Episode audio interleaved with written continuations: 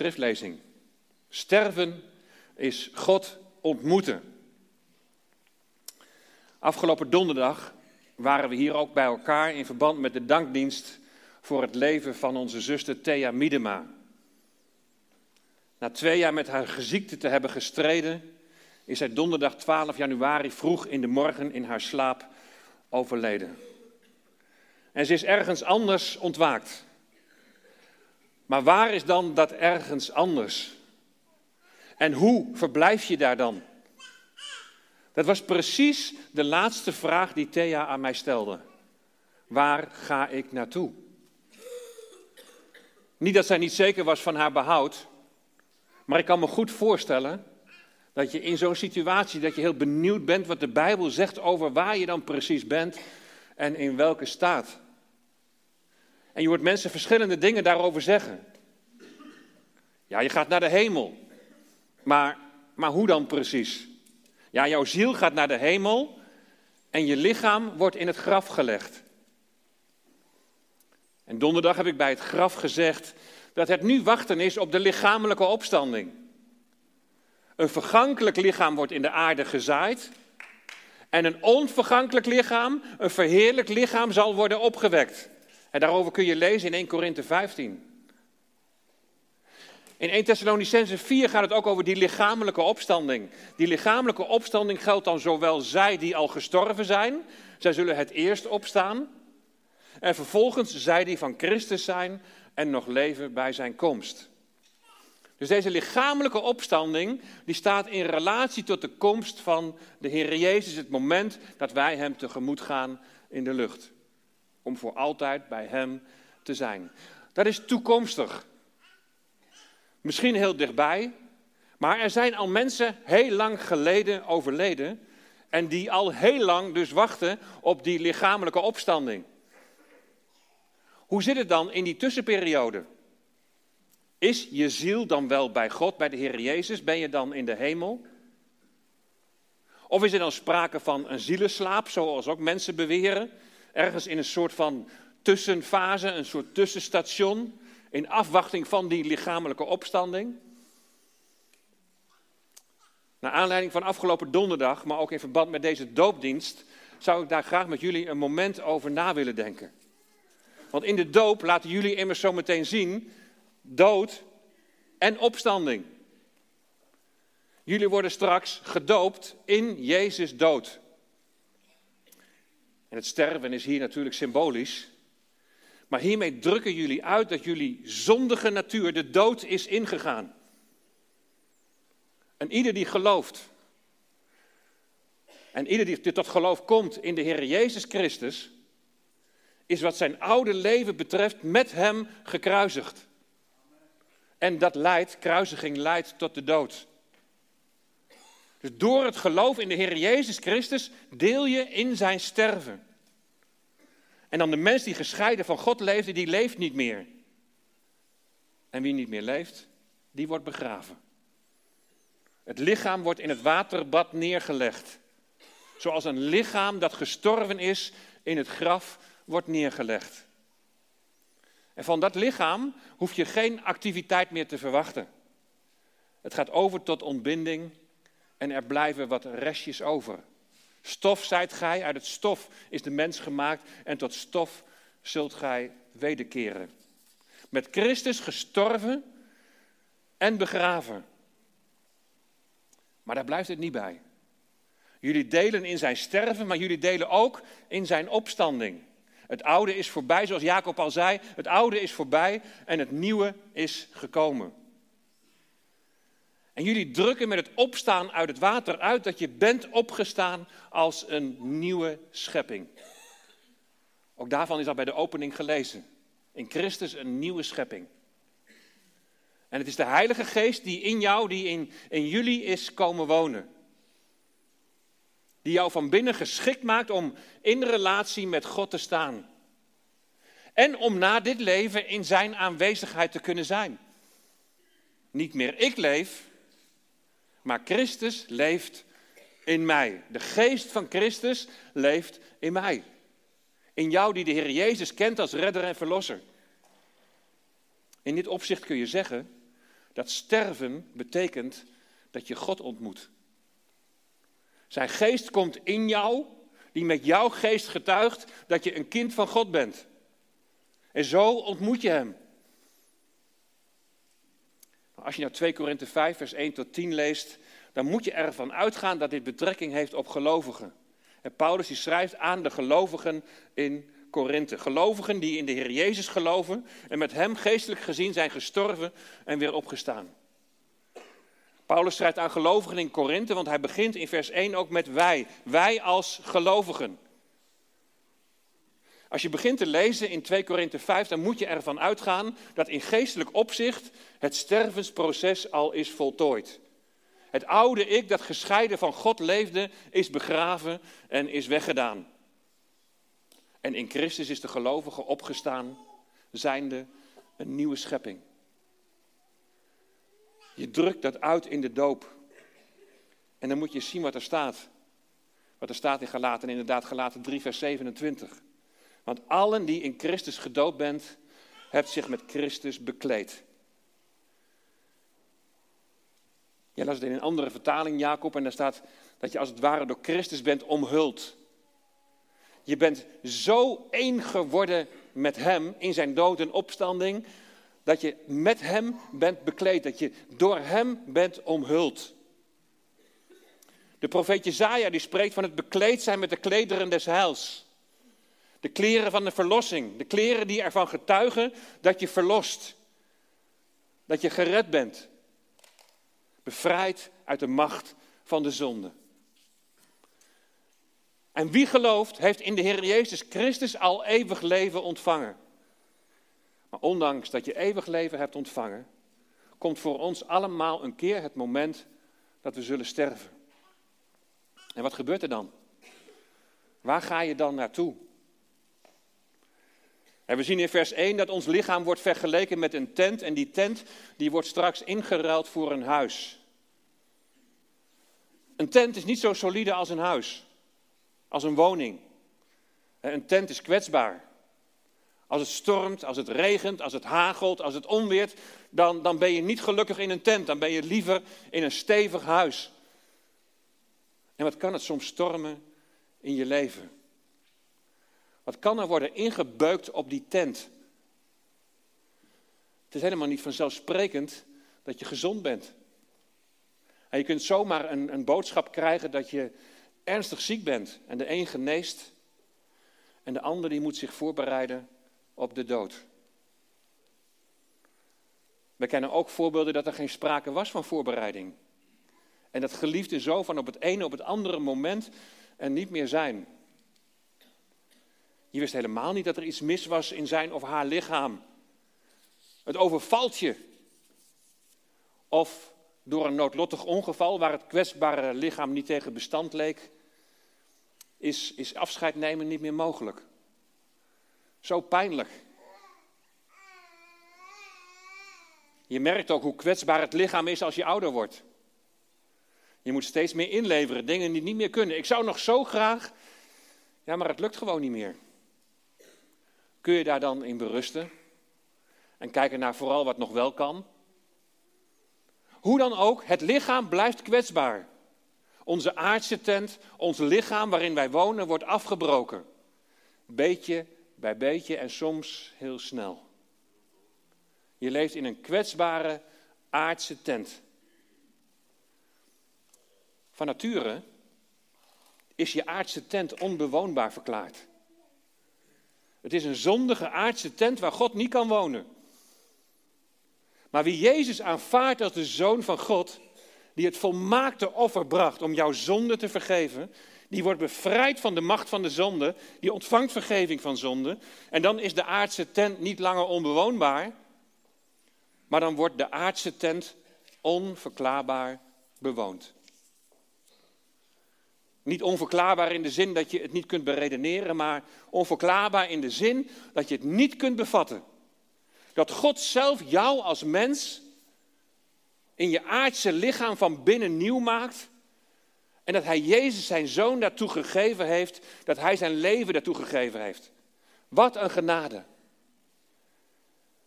Maar ondanks deze rijkdom blijft het lichaam kwetsbaar. We zuchten in onze aardse tent, zegt Paulus in vers 2. Misschien ervaar je het op dit moment wel als heel zwaar en, en heel moeilijk. Misschien ervaar je het leven wel als een zuchten. Ik krijg de indruk dat Paulus dit schrijft aan mensen die vervolgd en verdrukt worden om het evangelie.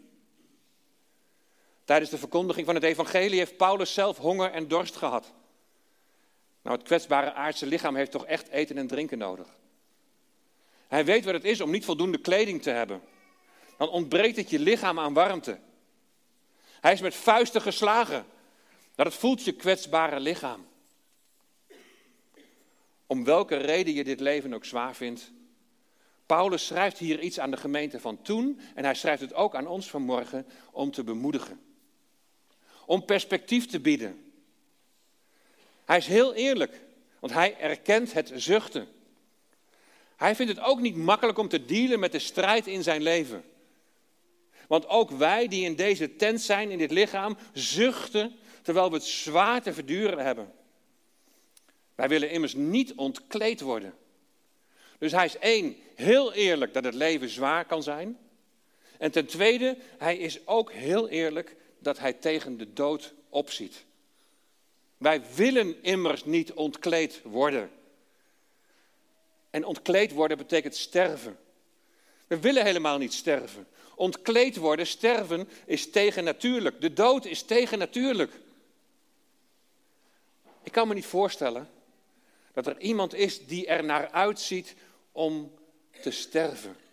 Ja, je kunt er op een gegeven moment klaar voor zijn, maar er echt, zoals nu al bijvoorbeeld, echt naar verlangen. Of de hopeloosheid moet je zo in de greep hebben, door welke omstandigheden dan ook, dat je de dood als een vlucht ziet uit alle ellende. Dan zucht je niet meer, maar dan verstikt het leven je. En als jij jezelf hierin herkent, misschien ben je hier vanmorgen of kijk je mee via de livestream, als jij jezelf hierin herkent, praat er alsjeblieft met mensen over. Zoek hulp. En schaam je ook niet voor deze gedachten, want je bent niet de enige. Het leven kan soms enorm zwaar en drukkend zijn. En Paulus die schildert het aardse leven ook niet mooier dan het is. Het leven is soms een zwoegen en je krijgt er soms zwaar te verduren, schrijft hij. Een tent. Een tent is geen permanente verblijfplaats. Zoals ons lichaam ook geen permanente verblijfplaats is. Maar je bent onderweg en onderweg ben je kwetsbaar. Ook van binnen ben je kwetsbaar wat je gevoel en wat je, wat je denken betreft. Maar juist daar wil God in werken. En juist daarin wil Hij verandering brengen. Hij wil dat je vernieuwd wordt in je denken. Om zo te onderscheiden wat de wil van God is en hoe je naar Zijn wil kunt leven. En dat is een proces dat pas echt begint als Hij door Zijn geest in jou komt wonen. Als dat geestelijke stervensproces heeft plaatsgevonden en je tot de erkenning bent gekomen dat je vergeving van zonde nodig hebt. Maar ook dat je niet vanuit jezelf kunt leven zoals God het heeft bedoeld. Je kunt het niet zelf. Daar hoort ook bij dat hij jouw denken wil uittillen boven jouw omstandigheden. Boven de omstandigheden van je leven en dat hij je toekomstperspectief wil bieden. Dan blijft het denken ook niet alleen maar beperkt tot het aardse leven, maar dan krijg je zicht op wat hierna gaat komen. Dan is er altijd perspectief. Je leeft ergens naartoe, net zoals je na je vakantie in een tent weer naar huis verlangt. Het zet jouw leven in het hier en nu ook in een ander perspectief. Waar je na dit leven naar verlangt en naar de Heer Jezus met wie je verweven bent. Hij is nu al bij je. Hij is nu al in je door zijn geest. En wat je innerlijk betreft wil hij je van dag tot dag wil hij je vernieuwen. Dat je steeds meer leert hoe de omstandigheden in jouw leven ook zijn, dat je steeds meer leert om op Hem te vertrouwen. Dat je steeds meer leert om in afhankelijkheid van Hem te leven. En dat zet je leven in een ander perspectief. Leven voor Hem die jou lief heeft. En van de versen die ik tot nu toe heb aangehaald, las ik steeds het eerste gedeelte. Het lichaam dat afgebroken wordt, vers 1. Het zuchten in onze aardse tent, vers 2. Het zuchten onder een zware last, vers 4. Het niet willen uittrekken van de kleding, dat gaat over het sterven, vers 4. En daarmee probeer ik in navolging van Paulus het leven zo reëel mogelijk te schetsen. Maar in al deze versen zit een, zit een tweede helft. Zit een perspectief. Het lichaam wordt dan wel afgebroken, vers 1, maar we krijgen van God een woning. Een eeuwige, een niet door mensenhanden gemaakte woning in de hemel. En als je dan verder leest, dan merk je dat het verlangen bij Paulus groot is naar die nieuwe woning.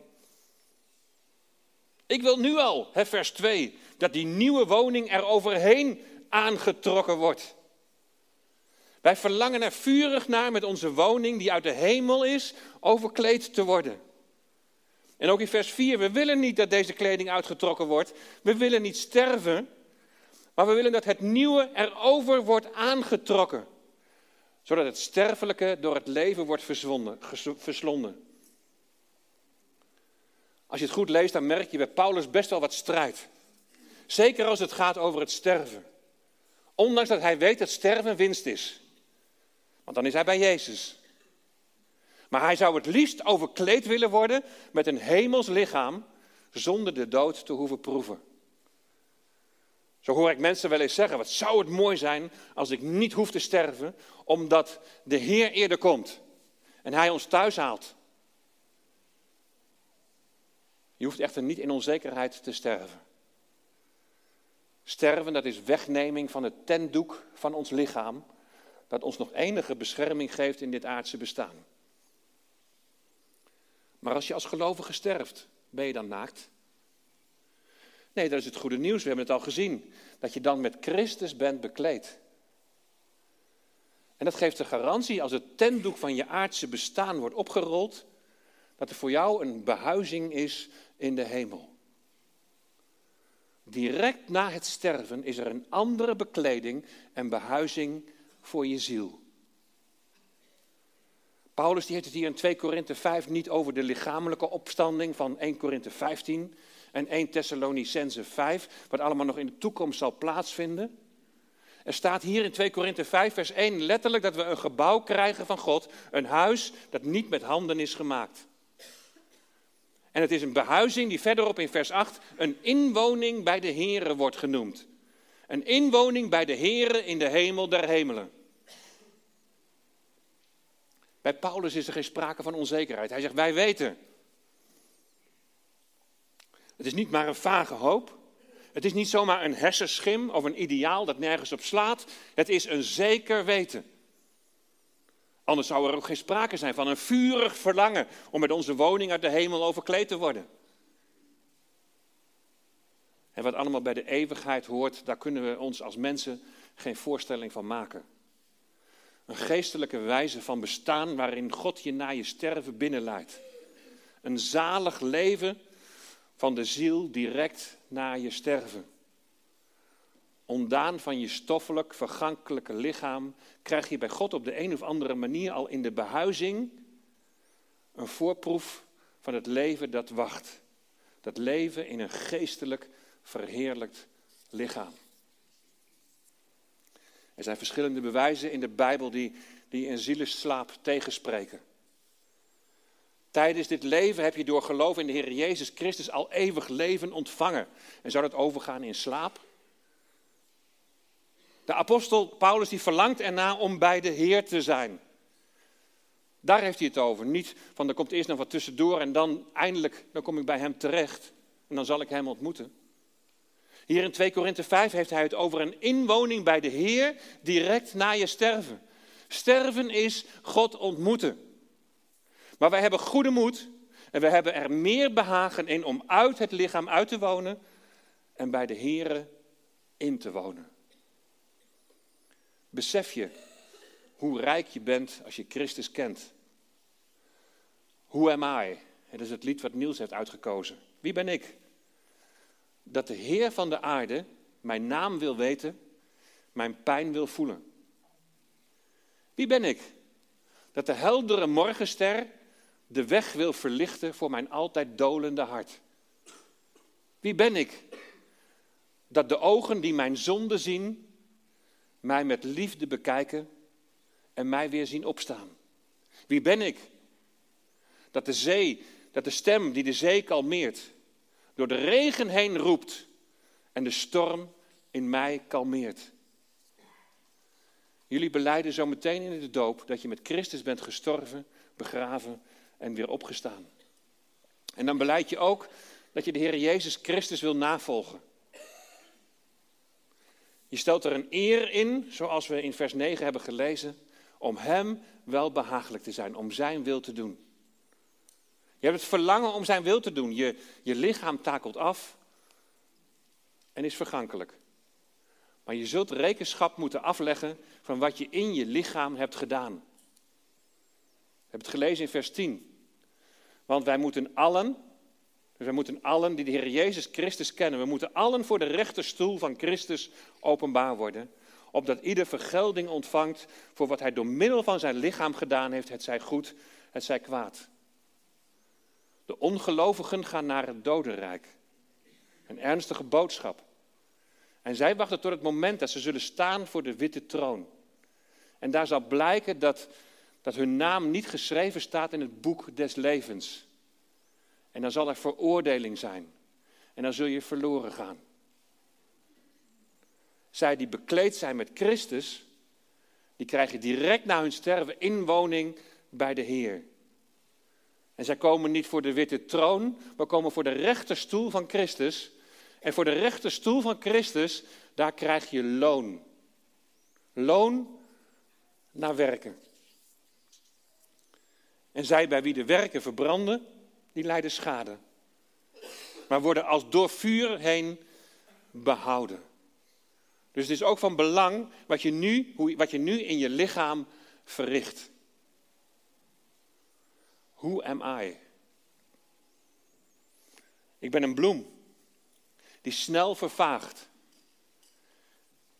Hier vandaag en morgen weg.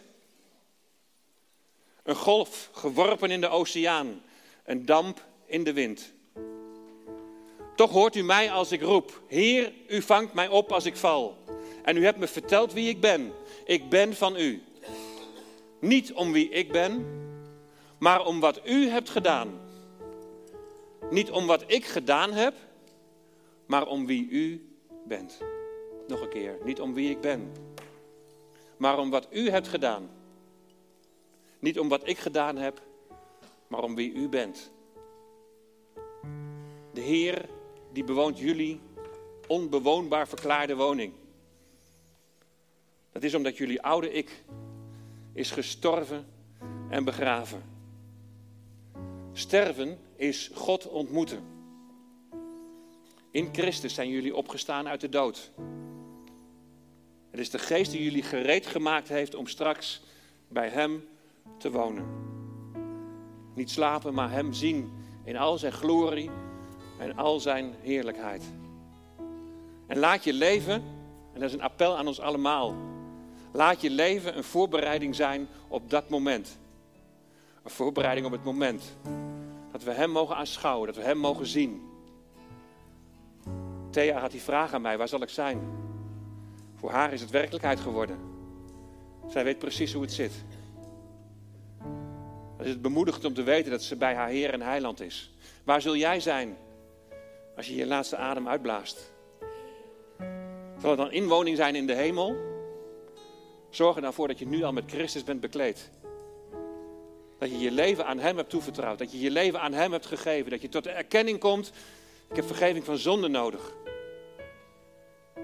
Ik heb het nodig. Ik heb het nodig om, om te leven. Ik heb het nodig om naar Zijn wil te leven. De inwoning van de Heilige Geest als onderpand voor een eeuwige erfenis. Hoe am I? Wie ben ik? Stel je die vraag ook niet eens. Wie ben ik? Dat Hij naar mij omgezien heeft. Wie is Jezus voor jou? Niet slapen, maar Hem zien in al zijn glorie en heerlijkheid. Laat je leven een voorbereiding zijn op dat moment. Amen.